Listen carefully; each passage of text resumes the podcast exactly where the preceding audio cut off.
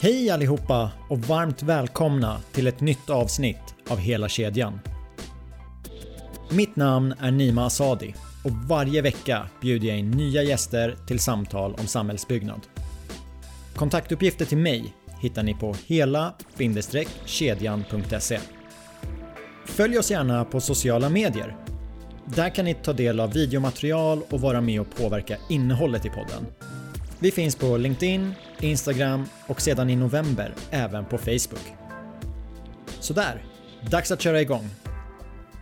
I höstas stod det klart att ett nytt bolag hade slagit sig in på den svenska tunnelmarknaden. Kinesiska China Railway Tunnel Group, som förkortas CRTG, vann en uppmärksammad upphandling om att få bygga tre arbetstunnlar i Nacka i samband med tunnelbaneutbyggnaden i Stockholm. Kontraktsumman var helt enligt Region Stockholms planerade budget, men ändå var det inte direkt något jubel bland branschprofiler, fackförbund och politiker. Jag ville få en bredare bild, så jag tog kontakt med min nästa gäst som är kommersiell direktör på CRTG. Och jag frågade om hon ville gästa podden för att prata om projektet och bemöta kritiken. Hon svarade ja direkt, så låt mig presentera Cecilia Malmsten.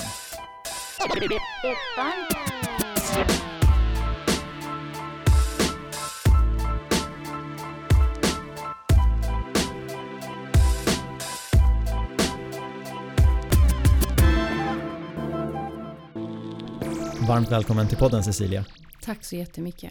Jag börjar med en bekännelse direkt. Jag har försökt göra en hel del research inför det här avsnittet och tycker mig ha hittat rätt så bra material. Men väldigt lite om dig. Så jag undrar om vi kan börja med att du presenterar dig själv. Mm. Eh, ja, eh, jag, jag, har ju då pluggat i Hongkong på Chinese University och sen tog jag min MBA på UCLA och sen så flyttade jag efter det eh, till Vietnam och jobbade där eh, två år. Sen jobbade jag i eh, Filippinerna tre år och sen i Kina. Så jag har arbetat i princip i hela mitt yrkesverksamma liv i Asien och framförallt då i Kina. Hur blev det så att det blev Asien? Eh, det är en lång historia men den korta versionen är att eh, min farmor och farfar hade gamla kinesiska saker hemma hos sig. Och när jag var kanske 4-5 år så började jag fråga min farfar vad det där var för någonting. Och han var ganska kunnig om kinesisk historia så då började han berätta. Och där eh, föddes mitt intresse för Kina.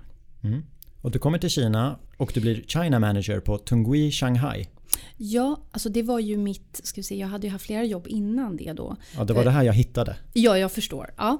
Eh, och jag, jag eh, ska då, du, du gjorde ett erkännande där och jag kan också göra det erkännande då att, att eh, jag, jag varit väldigt dålig på att eh, vad ska man säga, eh, jobba med min LinkedIn-profil. Så jag förstår att det var inte så lätt att hitta bra information där. Men, ehm, jag, hade, jag har ju haft flera jobb då i Kina innan jag eh, började då arbeta med Tongwei.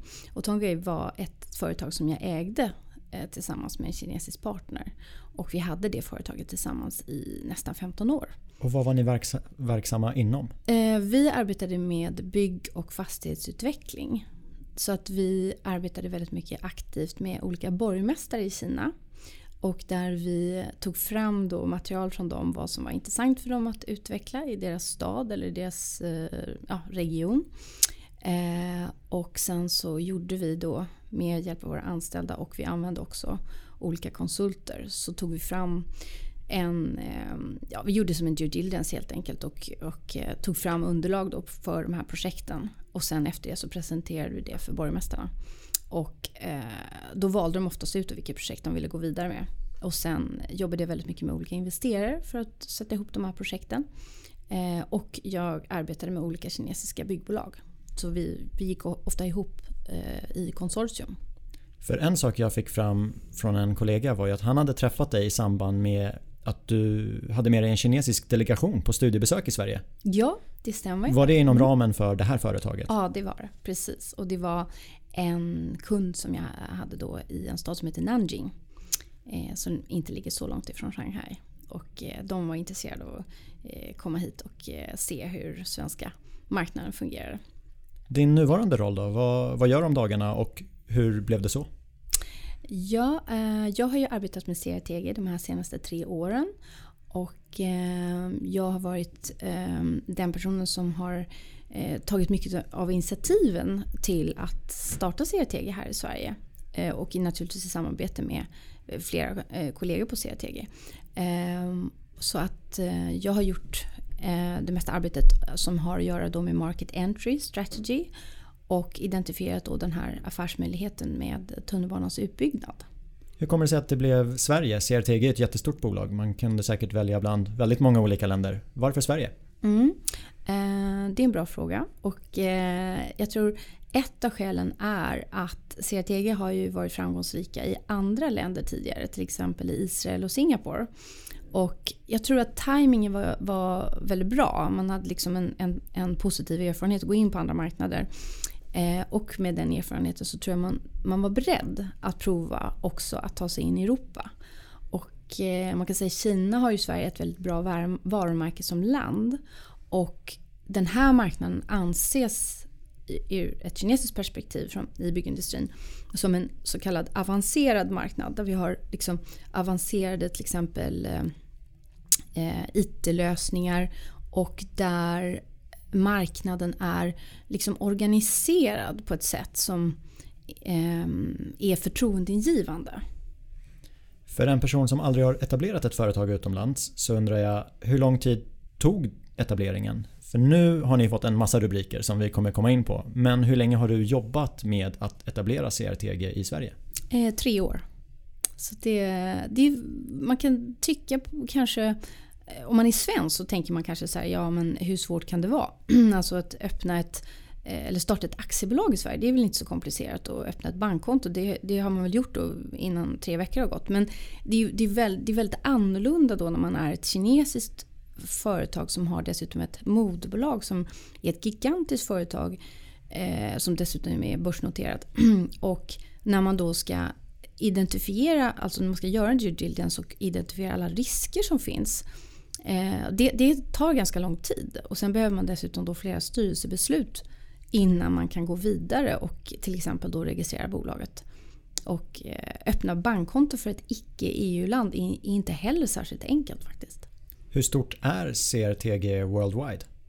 Eh, ja, alltså CRTG har ju ungefär 15 000 anställda och eh, omsättningen är ungefär 4,8 miljarder. Och det är ju ägt av C-Resor som är vårt moderbolag. Och C-Resor, bara för att sätta det i sitt sammanhang så kan man säga att eh, Skanska är listade på den här eh, Fortune 500. De är listade på nummer eh, 404 när jag tittade senast. Och CREC är listade som nummer 5 på den listan. Du sa 4,8 miljarder. Det kan inte vara kronor? Nej, nej precis dollar. Ja, ursäkta, då, jag skulle då, lagt till en valuta där. Ja, precis. Då ja. följer jag med. Ja, precis. Mm. Då förstår jag. Ja. Mm. Bakgrunden till att jag känner till CRTG och dig är mm. eftersom att ni vann ert första projekt i Sverige under hösten. Mm. Låt oss prata om det projektet. Vad ska ni göra för någonting? Ja, eh, vi har ju då blivit eh, tilldelade eh, tre stycken arbetstunnlar och det är för tunnelbanans utbyggnad som du nämnde. Eh, och de är i Nacka alla tre. Eh, och eh, de arbetstunnlarna är, mm, ligger med en och en halv kilometers mellanrum. Eh, och de är eh, ja, mellan 360 och 500 meter långa ungefär. Så beställare är Region Stockholm. Mm. Platsen är Nacka. Hur lång byggtid är det? Det är 18 respektive 19 och 20 månader. Och du har varit inne på tunnellängden. Mm. Nu kommer min första fråga för att jag har inte en jätteerfarenhet från tunneldrivning. Mm. Men vad har ni för tunneldrivningsmetod? Ja, eh, det är ju kunden som har, alltså Region Stockholm då. Eh, det är ju de som har tagit fram alla handlingar. Så att vi har ju inte själva eh, i det här, det här är liksom design and build som den här typen av eh, kontrakt heter. Och, eh, så vi har inte själva då tagit fram handlingar utan vi har gjort anbudet baserat på kundens handlingar. Och um, i det här fallet då så är, så är det Sweco som har gjort uh, handlingarna. Um, och den metoden som är föreskriven är spräng och gräv. Eller drill and blast då, som man säger på engelska. Så det ni har att, att spela med är maskiner och människor? Ja, det kan man säga. Så det är inte TBM, alltså Tunnel Boring Machine, som, som är väldigt stort för CRTG annars. Utan det är spräng och gräv som är, är arbetsmetoden. I ett sånt här projekt med tre arbetstunnlar som ligger hyfsat nära varandra. Är det samma människor då som går mellan dem eller är det som tre separata projekt? Nej, vi kommer behandla dem eh, som ett projekt. Och vi kommer ha personal som roterar mellan de här tre. Och hur många tror ni kommer vara på plats och jobba om dagarna? Eh, det är ungefär att vi kommer ha ett, ett arbetsteam på ungefär 40 personer. 40 50 personer. Okej, okay, mm. inte så många ändå. Nej, men å andra sidan så har vi ju, vi kommer ju ha uh, skift. Så att det kommer i princip vara uh, verksamhet ja, 24-7. Jag kanske ska säga också när jag säger inte så många ändå. Jag har ju ingen aning om hur många man brukar vara i tunnelprojekt. Det ska väl tilläggas. Mm. Om vi backar bandet lite. För ni vann upphandlingen nu i höstas. När började anbudsprocessen för er? Ja, alltså det, man kan säga att anbuds, anbudsprocessen började för oss redan i, i början på förra året. Um, och sen så lämnade vi in anbudet i augusti. Uh, och sen så kom ju tilldelningen då i slutet på september. Och jag uppfattar det som att handlingarna är färdiga. Man har färdiga handlingar att räkna mm. på. Ja, det hur, stämmer. Hur gör ni era kalkyler? Har ni någon in-house kalkylavdelning? Jobbar man med förfrågningar? Hur gör man? Ja, eh, det är många olika komponenter för att få ihop ett anbud. Och eh, det tar väldigt lång tid och det är mycket det som jag också arbetat med under de här tre senaste åren. Att etablera kontakter med lokala leverantörer som vi känner um, inte bara har avancerade, avancerad teknologi och uh, liksom bra kvalitet när det gäller produkter utan som även har självklart bra service och också kanske delar våra vår värdegrund. Alltså att, att, man känner att det här är bra personer som man har att göra med.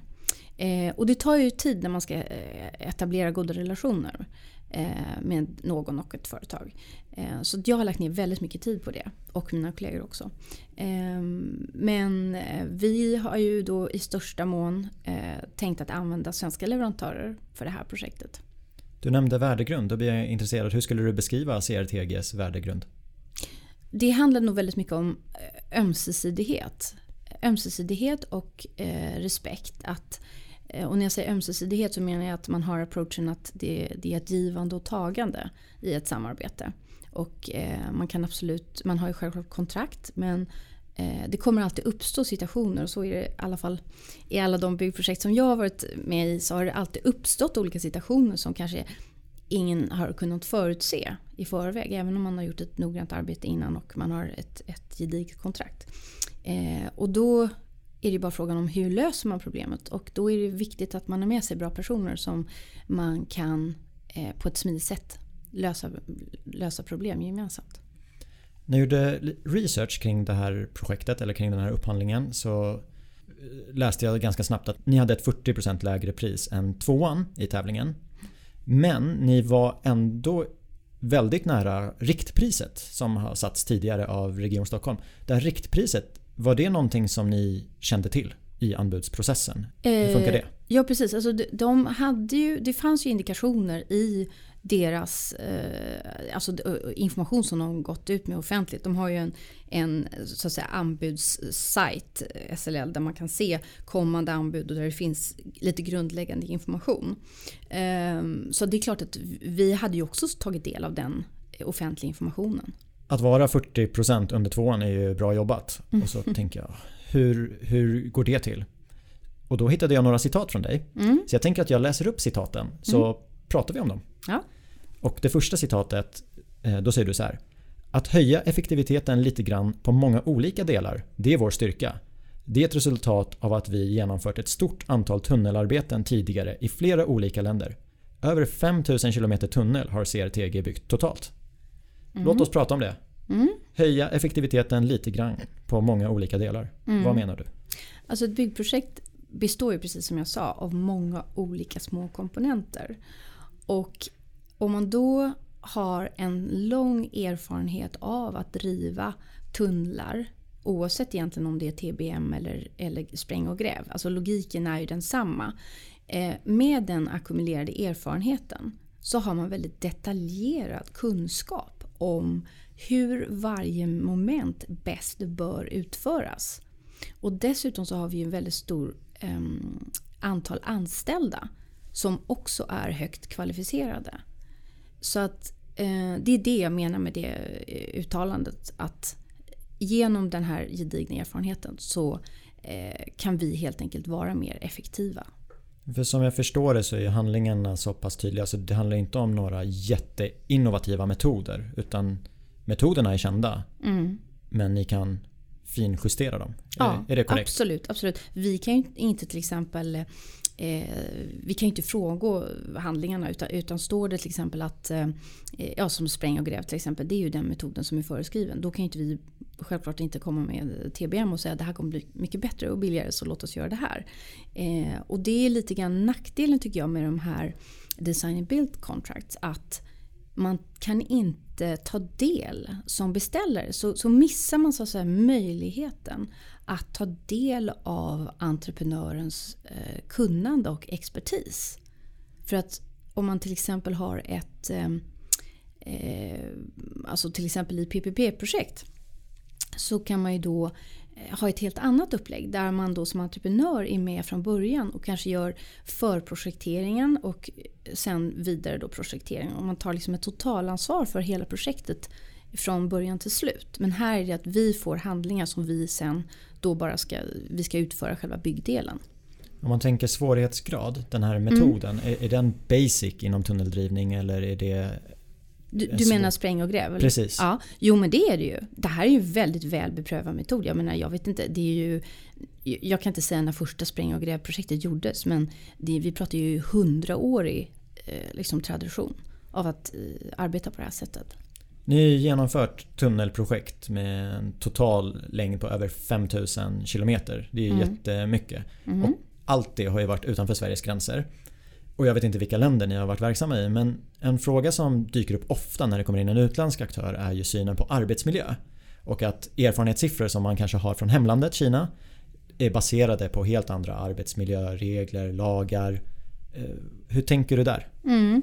Eh, det, det viktiga är ju att man utgår från de regler och förordningar som gäller i det land där man verkar. Och det är inget undantag när det gäller Sverige. Utan CRTG kommer följa alla de regler och förordningar som finns här. Och än så länge så eh, har vi ju bara eh, ett antal anställda. För bara någon månad sen så var vi ju bara två anställda. Idag är ni ju ganska många på kontoret. Ja precis, det har gått väldigt bra faktiskt. Det är jätteroligt eh, med att eh, rekrytera jätteduktiga personer. Och, ehm, och vi har ju då kollektivavtal för, för våra anställda. Eh, inklusive mig själv då. Så att ehm, det, det, är det som jag kan säga att eh, vi kommer följa svenska lagar och förordningar när det gäller då arbetsmiljö och när det gäller att betala sociala avgifter och alla andra sådana regler. Har ni genomfört projekt i länder som är lika Sverige? Och då tänker jag Västeuropa. Nej, det, här, det är CRTGs första projekt i, eh, Europa och i ja, norra Europa. Ett så kallat demonstrationsprojekt då? Ja, det kan man säga. Mm. Ja. Jag tycker vi går vidare till nästa citat. Cecilia Malmsten betonar att bolaget har bra avtal med underleverantörer som Epiroc och Sandvik och har jobbat med dem i många projekt i Kina. Och kan man handla upp en stor volym är det klart att man får bättre villkor. Mm. Vad menar du? Ja, nej men det, jag tror inte heller att det, det är inte någon, vad ska man säga, eh, ja, rocket science egentligen. Att, att den som då handlar upp en större volym får bättre villkor. Och eh, den logiken gäller ju oss också. Så självklart då eftersom vi har eh, långsiktigt samarbete med eh, de här leverantörerna som är, eh, vad ska man säga, de, de främsta i, i, i, inom sin nisch. Eh, och jag nämnde då till exempel Sandvik och Epiroc som är ju jättefina exempel på eh, roligt nog eh, svenska företag som är fram, de mest framstående i sin bransch. Jag gissar på att er projektkalkyl består av maskiner, material och arbetskraft. Mm. Epiroc och Sandvik levererar maskiner. Mm. Hur jobbar ni med de andra två? Ja, alltså när det gäller arbetskraften, för vi kommer ju ha arbetskraft som eh, när det gäller själva tunneldrivningen. Och där kommer vi arbeta med en underleverantör som är aktiv här på svenska marknaden och som är eh, ja, välkänd i, i tunnelbranschen. Och eh, de har ett, ett långt track record av att arbeta på ett sätt som är tillfredsställande och i enlighet med alla regler och förordningar som finns här. Eh, så det är vår, eh, vår del där när det gäller, eller hur vi kommer lösa det då när det gäller eh, arbetskraften. Och sen när det gäller maskiner så har vi inte exakt fastställt då den, för det kommer bli ett antal olika leverantörer och där håller vi på att liksom finslipa på det. Den, den så att säga, eh, kompositionen så jag, jag, kan inte gå in på det i detalj just nu. Eh, men vi kommer absolut använda svenska underleverantörer. Hur tänker du kring tjänstemän? För jag antar att ni har väldigt mycket kompetens worldwide. Mm. Men hur kommer produktionsledningen i, i Sverige ser ut? Mm. Eh, vi har ju eh, självklart många väldigt kompetenta kinesiska medarbetare då som är både i, baserade i Kina och arbetar med de projekten där. Eh, vi genomför i genomsnitt eh, 800 km tunnel per år i Kina. Så, så det är ju en avsevärd volym såklart.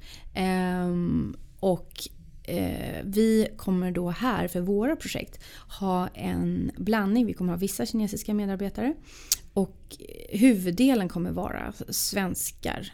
Och eh, vi har rekryterat i princip alla till den organisationen som vi behöver. Snabbt jobbat. Ja, ja det, det är faktiskt eh, det är en del som har gått mycket bättre än vad jag hade vågat hoppas på. Eftersom att vår bransch präglas väldigt mycket av att det är bristande resurser. Så eh, jag är jätteglad för det och eh, vi alla här är jätteglada för att vi har hittat jättebra personer. Vad får ni för intryck av de personerna som söker sig till er? Är det projekten som lockar eller är det bolaget? Det är en bra fråga. Jag skulle säga nog att det kanske egentligen mer bolaget än själva projektet. För att i tunnelvärlden är ju arbetstunnlar, det är ju väldigt små projekt. Och, det är ju spräng och gräv så det är inte någon jätte... Det är inte som ett nytt speciellt TBM-projekt eller så. Utan jag tror att många lockas, eller det de har sagt till oss i alla fall. Det är ju att de lockas av att det är spännande att få vara med på den här resan. Att bygga någonting från början. Eh, och eh, sen tror jag också att de tycker att det är spännande med att det är ett kinesiskt företag. Det är liksom någonting nytt här. Ja, det är en helt annan skala i Kina. Mm. 800 kilometer tunnel om året. Det är, det är mycket. Mycket mm. erfarenhet. Ja. Nästa citat. Då säger du att nummer ett nu är att leverera ett bra projekt till kunden enligt de lagar och regler som gäller i Sverige. Mm.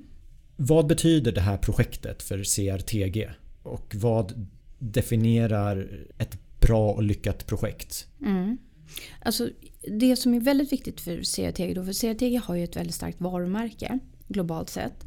Och eh, CRTG är väldigt måna om att vårda det varumärket och bygga det vidare. På ett förtroendefullt sätt. Och det är ju samma sak för vårt moderbolag CREC självklart också.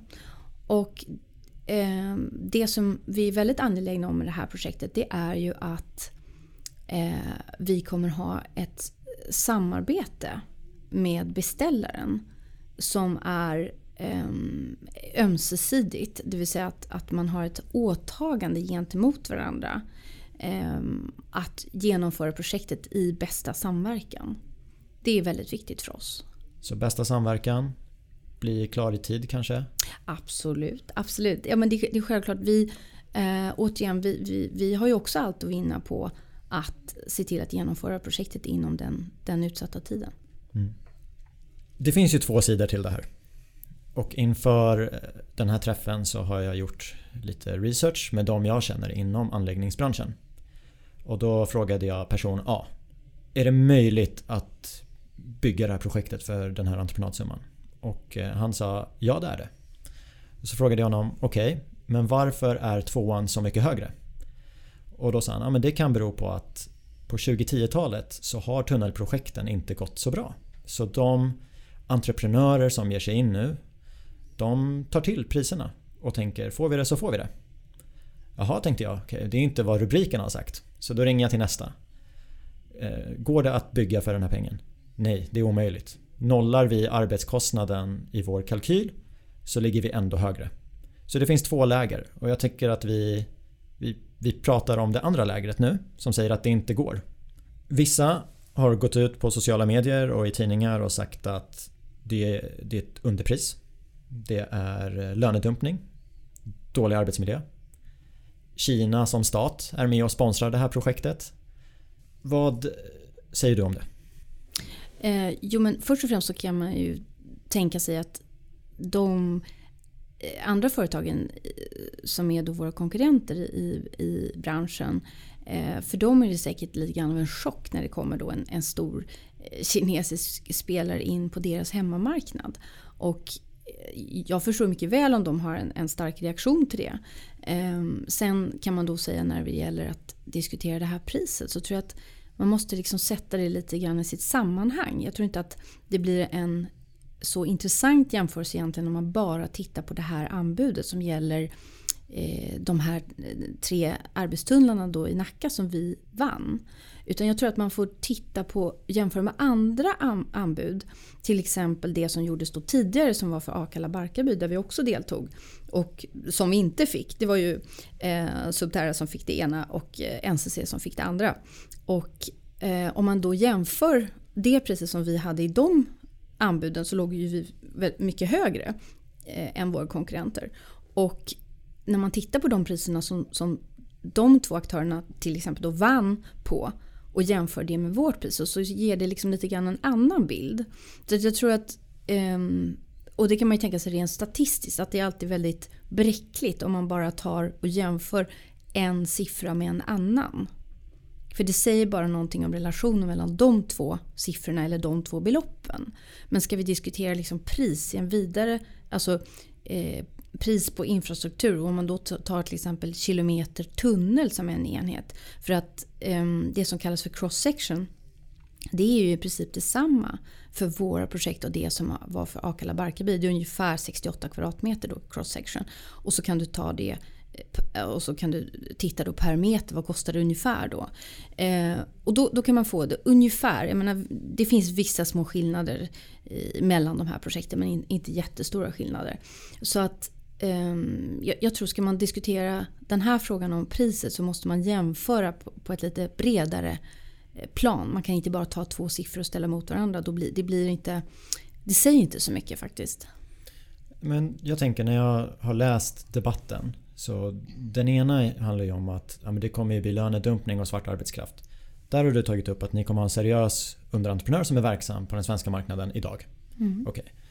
Eh, vad är nästa grej? Och det är att kinesiska staten går in och sponsrar. Och så tänkte jag för mig själv, ja, men vid företagsetableringar så är det ju inte helt ovanligt att moderbolaget stöttar mm. en etablering. Mm. Sen är det ju inte stater som backar företagsetableringar vad jag vet. Men Nej. vad säger du till de som tar upp det? Att det ni får finansiering av kinesiska staten? Ja, nej men det stämmer inte. Utan det är ju så att vårt moderbolag är ju CREC och CREC är ett börsnoterat bolag. Det, det är börsnoterat i Hongkong.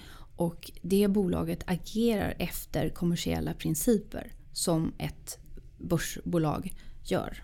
Och det tredje alternativet är ju att det du har sagt i det här samtalet stämmer. Ni höjer effektiviteten lite på flera delar. Och då tänkte jag så här, okej, okay, i en tid där vi får höra att eh, byggprojekt blir dyrare och dyrare, infrastrukturen blir dyrare och dyrare. Så har vi en aktör här som kommer in med en peng enligt Region Stockholms budget. Det kanske man också ska säga, det är enligt Region Stockholms budget. Och mm. den siffran har ju varit känd i i alla fall fem år. Mm. Men jag har inte hört någonting om den. Det är kanske jag som har missat hela debatten.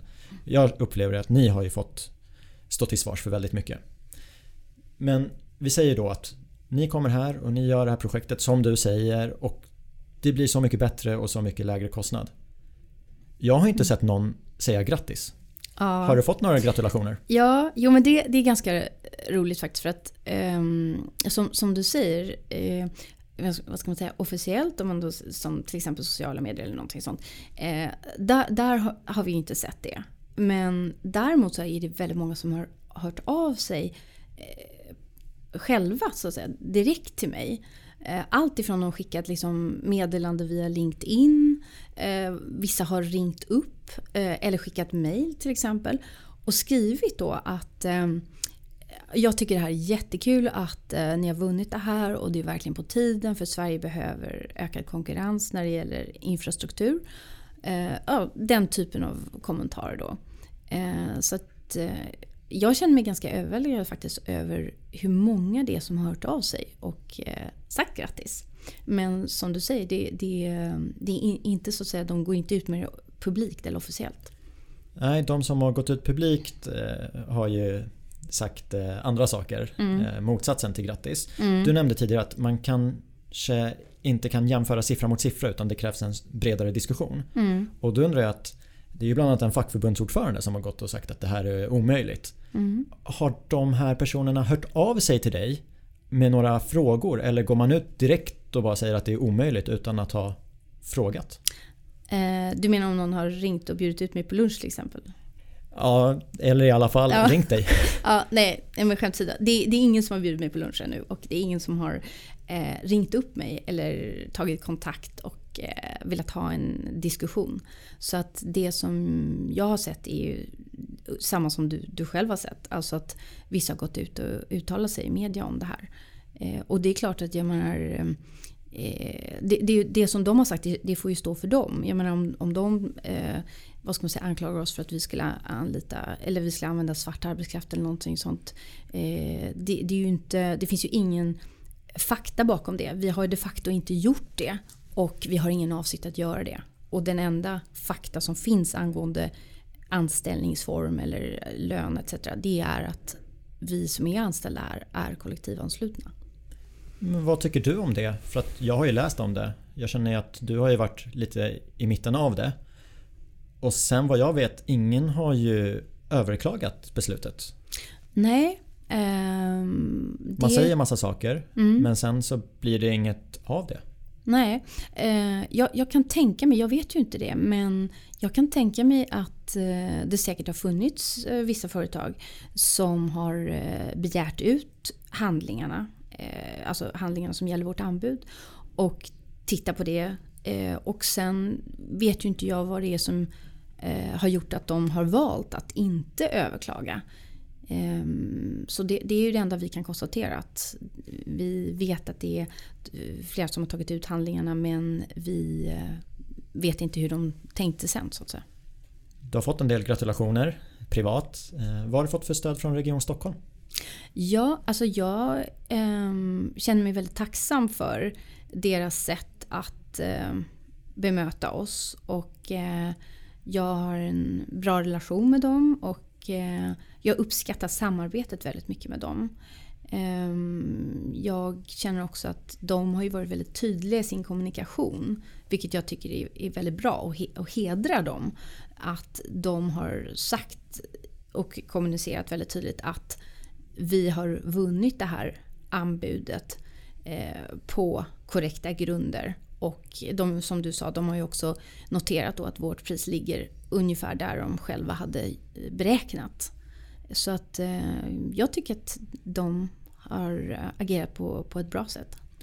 Jag har ju aldrig upplevt det och jag hoppas att jag slipper det. Men hur har det känts för dig lite mer privat att bli kallad fuskare?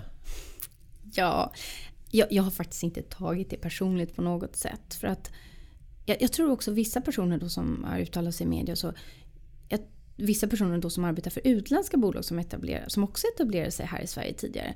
De kanske själva också råkade ut för det när de etablerade sig. Att de blev liksom attackerade av svenska bolag.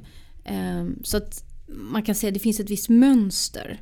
Så att ehm, tack för att du frågar men, men jag har aldrig tänkt på det på det sättet på ett personligt plan. Utan jag har bara liksom tänkt på det utifrån min profession. Och att jag brinner verkligen för att arbeta för att vi ska få mer för våra skattepengar i Sverige. Alltså jag personligen drivs av ett högre syfte.